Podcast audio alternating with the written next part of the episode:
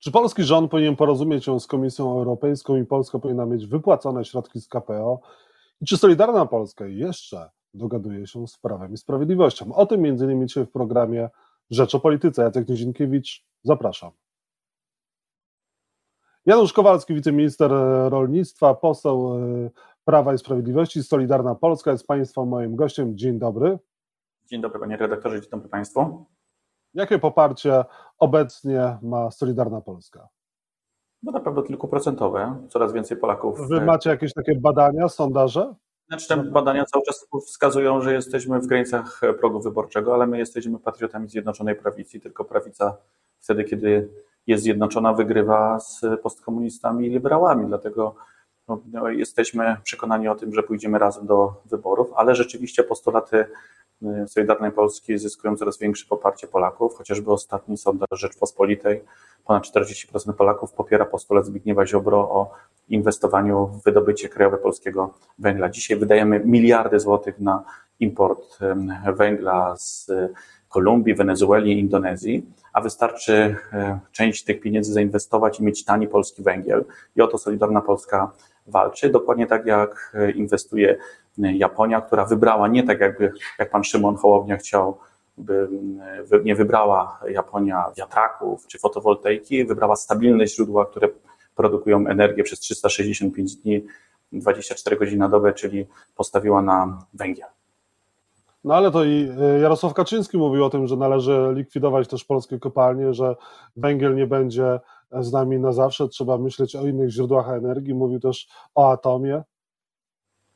Solidarna Polska jest e, partią obrony polskiego węgla, polskiej suwerenności energetycznej. Skoro mamy na terytorium Rzeczpospolitej własne zasoby węgla brunatnego i kamiennego, to należy z tych zasobów korzystać. Dlatego jesteśmy zwolennikami, aby e, natychmiast uruchomić szeroki program inwestycyjny, jeżeli chodzi o Śląsk e, i inwestycje węgiel kamienny. Natychmiast podjąć decyzję w sprawie Złoczewa.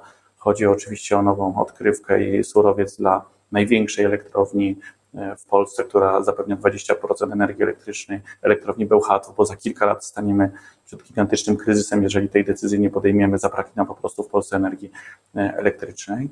Jesteśmy, jeżeli chodzi o OZE, zdecydowanie zwolennikami stawiania na to, co, na co chce stawiać paradoksalnie Bruksela.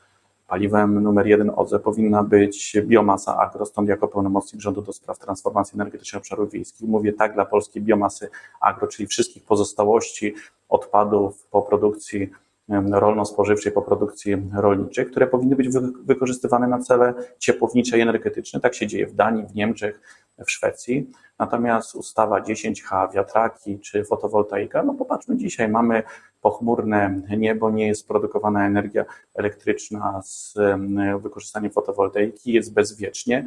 No to pytanie do pana Szymona Hołowni, z czego by w takich warunkach właśnie zimowych chciał produkować energię elektryczną? Nie powinniśmy stawiać na energię elektryczną, na e, energię odnawialną, nie powinniśmy stawiać na e, wiatraki? Na pewno powinniśmy stawiać na OZE, jeżeli chodzi o stabilne źródła OZE, a tym stabilnym jest wyłącznie biomasa, której efektywność produkcji energii elektrycznej i ciepła... Tak, ale pytam o wiatraki, pytam o OZE. 96%. Będziecie głosować za... Wiatraki mogą być pewnym uzupełnieniem, ponieważ pamiętajmy, że wiatraki e, produkują maksymalnie 25-30% dni w roku energię elektryczną, a fotowoltaika tylko 15-20%. Więc ten infantylizm Szymona Hołowni Polski 2050, e, stawiania znaku równości między stałymi źródłami wytwarzania energii elektrycznej, czyli na przykład energią e, produkowaną z węgla, a wiatrakami jest czymś po prostu niebywałym. No, żaden wiatrak nie jest w stanie produkować energii elektrycznej przez 24 godziny 365 dni w roku. Nie ma takiego ani jednego wiatraka na całym świecie. W związku z tym ustawa 10H w mojej ocenie jest ustawą, która w istocie realizuje tę politykę, która e, była porozumieniem między Putinem a e, panią Angelą Merkel. Dlaczego Niemcy przestawiali całą e, gospodarkę swoją własną i innych państw na gaz? Właśnie po to, żeby uzupełniać jako stabilne źródło energię elektryczną produkowaną z wiatraków. Reasumując, reasumując politycy Solidarnej Polski nie będą głosować za zniesieniem zasady 10H. Nie będziecie tam głosować. Że nie, ponieważ nie mamy żadnego interesu, żeby inwestować w niestabilne źródła OZE, wiatraki, powodować konflikty społeczne. Ten y, wiatraki na lądzie nie rozwiązują żadnego problemu. Solidarna Polska głosowała za wiatrakami na morzu. To jest bardzo dobry program i warto w to inwestować. Natomiast jeżeli chodzi o rozproszone źródła zielone, na poziomie gmin i powiatów wyłącznie biomasa agro. Dzisiaj proszę zobaczyć, że duża część samorządowców, zgodnie z tym, co proponuje Solidarna Polska, wycofuje się z przestawiania ciepłownictwa powiatowego z węgla na gaz ziemny i wybiera biomasę agro czy biomasę leśną, a więc to jest najlepsze z punktu widzenia E, również konfliktów, e, nie daj Boże, e, zbrojnych rozwiązanie. Proszę zobaczyć, wszystkie wiatraki na Ukrainie zostały unieruchomione. Fotowoltaika nie działa. My musimy budować tak samo, jak inwestujemy w polską armię, budować taki system elektroenergetyczny i ciepłowniczy, który będzie na wypadek, nie daj Boże, konfliktu, zapewniał nam w sposób rozproszony energię elektryczną i ciepło. No więc żadne wiatraki. Węgiel, węgiel, węgiel i jeszcze raz polski węgiel. Węgiel, atom i biomasa agro, tak. No i oczywiście tam, gdzie jest to możliwe, uzupełnienie wiatrakami, szczególnie e, offshore na morzu, to jest zdecydowanie dobre rozwiązanie. Natomiast 10H nie rozwiązuje żadnego problemu, generuje inne problemy. Proszę. Czy Polska powinna porozumieć się z Komisją, czy Polska powinna porozumieć się z Komisją Europejską i czy Solidarna Polska e, zgodzi się na pewne ustępstwa, żebyśmy dostali te pieniądze z KPA? Podobno jest decyzja o tym, żeby dogadać się e, z Komisją Europejską, ponieważ te pieniądze są Polsce potrzebne. Nie, nie, nie, nie. Po pierwsze, odwróćmy pytanie. Czy Komisja Europejska powinna porozumieć się z Polską? To jest właściwa proporcja, bo Komisja Europejska jest tym organem, za który my płacimy z naszych podatków i oni usłużnie mają realizować cele zgodnie z interesami państw członkowskich. Skoro unijni eurokraci szantażują, okłamują i kradną nasze pieniądze, to trzeba przywrócić odpowiedni stan rzeczy. Jeżeli w 2020 roku podjęto błędne decyzje o utworzeniu mechanizmu Next Generation, którego elementem jest właśnie KPO, którego kosztów do dnia dzisiejszego nie znamy, bo nie jest to zwykły kredyt, tylko jest to bandycki e, kredyt, który jest w rękach dzisiaj szantażystów, bo ani nie znamy jego kosztów. Może pan, a może pan przypomnieć, kto się na ten kredyt zgodził ze strony polskiej? Nie zgadzała się Solidarna Polska, dokładnie przed tym przestrzegała. To jest może tak pan jakby... przypomnieć, kto kto się na to zgodził, kto to wszystko parafował i kto też parafował te, te, te metody i, i, i mechanizm warunkowości? Znaczy to jest tak, że mechanizm warunkowości i zgodę na KPO... Powiem panu, to nie jest Donald Tusk. To jest oczywiście decyzja pana premiera, przecież wszyscy o tym pamiętamy. I dzisiaj jest odpowiedni moment, żeby z tych. Mateusza Morawieckiego. I dzisiaj jest dokładnie historyczny moment, żeby z tych E, decyzji się wycofać, ponieważ Unia Europejska Polskę oszukała, szantażuje, nie wypłaca pieniędzy. No jeżeli idziemy do banku, bierzemy kredyt, a bank nam tych pieniędzy nie wypłaca, stawia nowe warunki, E, i traktuje ten e, kredyt jak taką zbójecką chwilówkę i jeszcze do tego wymyśla, wymyśla jakieś kamienie milowe. No ja się nie godzę jako polski poseł na to, żeby mi w Brukseli e, pisali ustawę i mówili o tym, że mamy zmieniać regulamin Sejmu. Nie, nie godzę się na to, żeby zakazywali mi i Polsce korzystania ze samochodów spalinowych, nakładali nowe podatki. Co to w ogóle jest? I w związku z tym, że dzisiaj Polska ma... Krótko, krótko, my sobie poradzimy bez tych środków z KPO, Polska sobie poradzi bez tych środków z KPO? Przede wszystkim Unia Europejska nie poradzi sobie bez zgody Polski na finansowanie KPO, bo dzisiaj Polska ma. Ja pani nie odwracał mojego pytania drugi raz, tylko odpowiedział na to, które Polska zadałem. sobie poradzi bez środków z KPO, bo pamiętajmy, że KPO było planowane przed inwazją 24 lutego, a więc jest tam zapisane bardzo dużo projektów, które są związane z tak zwanym Zielonym Ładem. Dzisiaj cała architektura budowy suwerennej gospodarki, jeżeli chodzi o energię elektryczną, się całkowicie zmieniła. Jest tam zapisane bardzo dużo środków na informatyzację. Duża część z nich trafi do zagranicznych firm. Dzisiaj powinniśmy mieć KPO zgodne z polskimi interesami. Jeżeli tych pieniędzy nie mamy, to i spłacamy dzisiaj te pieniądze, to tym bardziej nie możemy wyrazić zgody na nowe podatki, na podwyższenie na przykład o 6,5 miliarda złotych rocznie składki członkowskiej do Unii Europejskiej. My musimy wywrócić stolik, czyli przywrócić stan sprzed lipca 2020 roku. Zgoda na federalizację Unii Europejskiej, budowę państwa federacyjnego, w którym Polska staje się wielkim landem, w którym to decyzje w sprawach ustaw zapadają w Brukseli, w sprawach podatków zapadają w Brukseli, czy we wszystkich sprawach inwestycyjnych zapadają w Brukseli, ja uważam, że to jest droga utraty niepodległości, utraty suwerenności. W związku z tym dzisiaj Polska powinna wywrócić stolik, wetować wszystko, co się da, na pewno nie godzić się na żadne nowe podatki, nie mamy w tym żadnego e, interesu, a przede wszystkim pozbyć się tych tak zwanych kamieni milowych, czyli całkowicie niekonstytucyjnej e, procedury. No nie może być tak, że jakiś urzędniczyna z Brukseli będzie e, polskich premierów czy ministrów odpytywał, jakie my ustawy przyjmujemy. Co to w ogóle jest?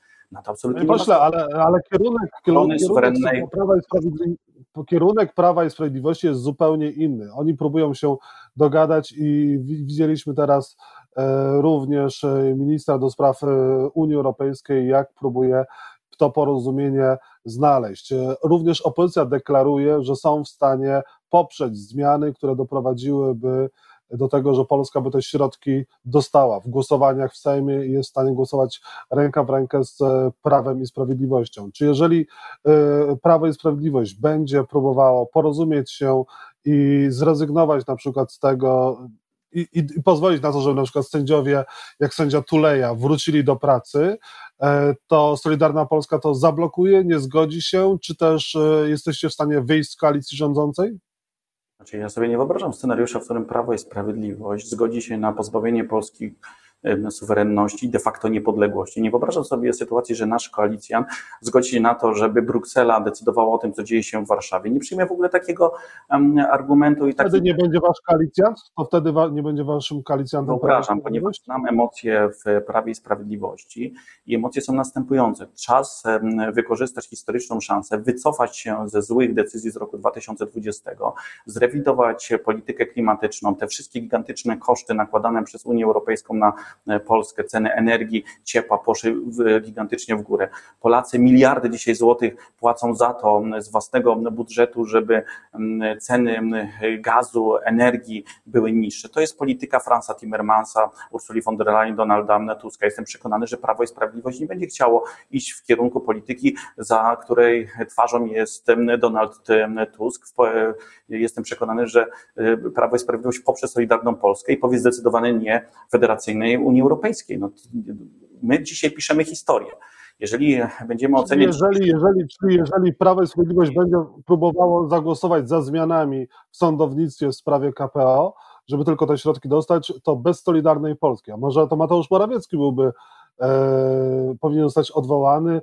Pan Sebastian Kaleta powiedział, że Beata Szydło byłaby lepszym premierem. Podziela pan tą opinię? Ja zgadzam się z tym, że w czasach e, rządzenia przez e, panią premier Beatę Szydłą byliśmy bardzo e, twardzi, jeżeli chodzi o relacje z Unią Europejską. Pani premier Beata Szydło odniosła gigantyczny sukces, jeżeli chodzi o narzucenie przez Polskę polityki w zakresie migracji. To Unia Europejska szantażem chciała wymusić, abyśmy przyjmowali muzułmańskich imigrantów, a powiedzieli zdecydowanie nie byliśmy skuteczni. No to oceńmy teraz ostatnie lata z perspektywy skuteczności. Czy od roku 2020, czyli od lipca, kiedy wtedy mieliśmy tylko i wyłącznie artykuł 7, polska pozycja w Unii Europejskiej się poprawiła? W mojej ocenie nie. Czy y, Unia Europejska, eurokraci mają nowe instrumenty karania Polski, szantażowania? W mojej ocenie tak. W związku z tym, jeżeli w sposób zimny oceniamy y, stan polskiej suwerenności i niepodległości i widzimy, że ustępstwa, cofanie się y, i dogadywanie się z szantażystami i mm, kłamcami doprowadza do gigantycznych konfliktów, bo o czym my dzisiaj dyskutujemy? My dzisiaj jesteśmy odpytywani przez trzeciorzędowych urzędników e, Komisji Europejskiej z tego, jakie ustawy przyjmujemy. No to stawia Polskę w sytuacji jakiegoś państwa czwartej, piątej kategorii. Ja się na to nie godzę. W związku z tym. W razie Beata Szydło byłaby lepszym premierem? Jeszcze raz przepraszam. Czy w takim razie Beata Szydło byłaby lepszym premierem? Powinna wrócić na stanowisko? Dzisiaj nie rozmawiajmy o personaliach, rozmawiajmy o sprawie. Po pierwsze, Polska nie musi przyjmować żadnych korekt ustawowych. Już nie. To eurokraci potrzebują Polski, a nie Polska eurokratów. To eurokraci nie mają e, e, długoletniego modelu finansowania mechanizmu Next Generation, a więc EU, w całej Unii Europejskiej, a więc KPO, i to Pols, po, e, potrzebują polskiego głosu. Polska nie może zgodzić się na żadne podatki, a więc od korporacji w sprawach ETS-u, i dzięki temu ten cały mechanizm patologiczny utworzony w roku 2020 z e, inicjatywy Niemiec upadnie. Jeżeli on upadnie, to rozpoczną się nowe negocjacje na temat przywrócenia praworządności w Unii Europejskiej. Panie redaktorze, dokładnie rok temu pokazałem, jak się y, negocjuje z Niemcami. Zabraliśmy połowę środków mniejszości niemieckiej, przywracając symetrię w relacjach polsko-niemieckich. Od 30 lat przy, przy stole wszystkie rządy negocjowały i negocjują kwestie finansowania języka polskiego w Niemczech. Niemcy nie ustąpili na milimetr, ale jak im zabraliśmy pieniądze, po raz pierwszy pojawiła się poprawka w budżecie Republiki Federalnej Niemiec, co oznacza przyznanie się Niemców do tego, że nie finansowali nigdy nauki języka polskiego, właśnie na naukę języka polskiego. Tylko i wyłącznie z pozycji twardej siły i twardych negocjacji. Żadnych zdjęć, żadnych fotek, żadnych selfików z eurokratami. To oni muszą po pierwsze zakończyć artykuł 7, grzecznie nas przeprosić, cofnąć rozporządzenie o praworządności, my zawetujemy i powinniśmy zawetować wszystkie podatki i wtedy rozpoczniemy negocjacjami, negocjacje z państwami suwerennymi o organizacji Unii Europejskiej na nowo. Nie będziemy rozmawiać z eurokratami. Franz Timmermans i Ursula von der Leyen w ramach deputinizacji, podobnie jak Donald Tusk, powinni zniknąć z polityki. Franz Timmermans, Ursula von der Leyen, Donald Tusk wspierali Władimira Putina. Ci ludzie w ogóle nie mają moralnego prawa, żeby z nimi siadać po prostu do stołu i z nimi się Panie pośle, panie pośle, Panie pośle, pytanie, czy pan ma prawo moralne oceniać innych, bo z informacji Newsweeka e, wynika, że pan mógł wiedzieć o tym, że działacze Zjednoczonej Prawicy mogą być zamieszani w nieprawidłowości związane z obrotem państwową ziemią na Opolszczyźnie. Jak to wyglądało? Czy pan tworzy układ opolski? No. Jakaś kompletna bzdura. Akurat e, pani Renata Grochald otrzymała już trzy moje e, pozwy. Jeżeli przychodzi do mnie przedsiębiorca, który ma jakiś układ i dzierżawi ziemię na swoje wiatraki i szuka protekcji w moim gabinecie, to tego przedsiębiorcy najzwyczajniej w świecie wywaliłem po prostu za drzwi. I nie ma zgody na to, aby szantażować urzędników, którzy zgodnie z prawem e, doprowadzają do tego, że w ramach tak zwanej koncentracji odbierają dużym dzierżawcom, również zagranicznym koncernom, ziemię, która trafia do rolników indywidualnych. To, że dzisiaj e, będzie ogromny nacisk koncernów zagranicznych na to, żeby przedłużać dzierżawy wieloletnie, bo one wygasają w roku 2023, to będzie jeden z większych sporów na polskiej wsi. Ja stoję tam, gdzie stoją polscy rolnicy indywidualni. Newsweek stoi tam, gdzie stoją koncerny zagraniczne. Panie ministrze, po tekstach e, Newsweeka pan e, zwolnił swojego asystenta społecznego Tomasza Ogniowego, który był, okazuje się tutaj zamieszany jakoś e, w aferę, która została opisana przez. Nic nie był zamieszany. Nie, nie. No to dlaczego on został, dlaczego on został, odszedł? No i też e, pan wystąpił do CBA i ABW o objęcie kontrolą procesu zwrotu i Oczywiście, 10 hektarów ziem po spółce Top Farms. No i pytanie, dlaczego, e, dlaczego pan Ogniowy przestał być pana asystentem społecznym e, i dlaczego pan się zwrócił po tekście Newsweeka do służb, skoro... Chętnie to wytłumaczę. Pierwsze skierowałem sprawę po tekście Newsweeka skandalicznym i całkowicie kłamliwym, w którym e, dziennikarka wymyśliła sobie spotkanie, którego nigdy nie było. Wymyśliła sobie, że 14 lutego 2022 roku mój asystent społeczny spotkał się z kimś i rozmawiał na temat ziemi. Nigdy takiego spotkania nie było. E, I zwróciłem się do CBA i ABW właśnie o to, bezpieczyli te urywkowe nagrania od pani Grochal, ponieważ one mogą być przedmiotem czy podmiotem szantażu, jeżeli chodzi o kwestie dotyczące polskiej ziemi, bo mamy do czynienia z ogromnym naciskiem zagranicznych koncernów, które chcą przedłużenia dzierżaw, to po pierwsze.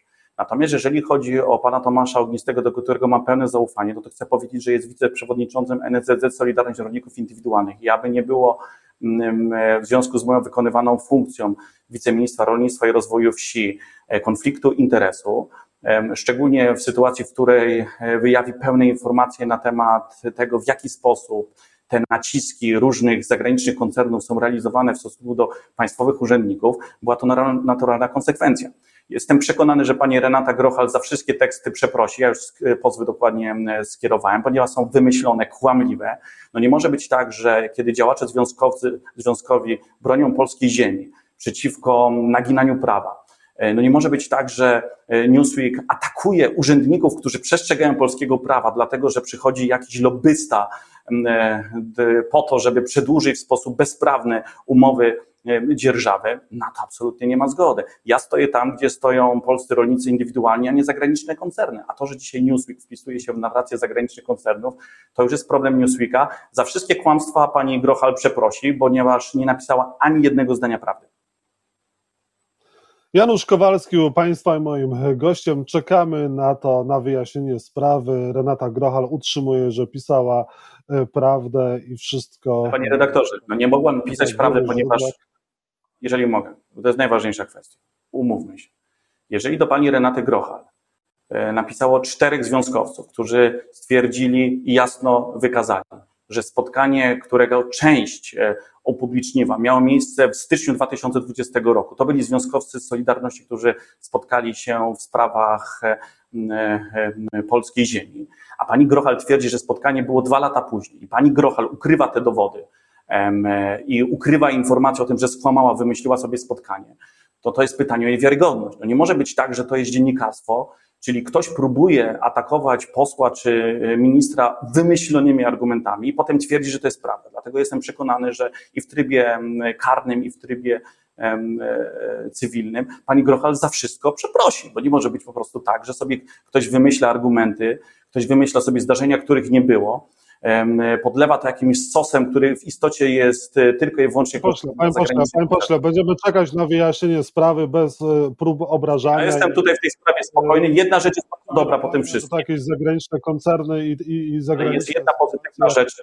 Renata Grochal jest, jest dziennikarką przez wiele lat i nikt nigdy jej nie zarzucił e, manipulowania ani żadnych kłamstw, więc e, proszę Było to spotkanie, panie redaktorze, czy mój asystent kiedykolwiek się spotkał? Dowiemy się, dowiemy się, nie jestem, nie byłem z pana asystentem. Dzisiaj. Nigdy się nie spotkał. Czekamy. Janusz Kowalski, Solidarna Polska był Państwa i moim gościem. Dziękuję bardzo za rozmowę. Dobrego tygodnia.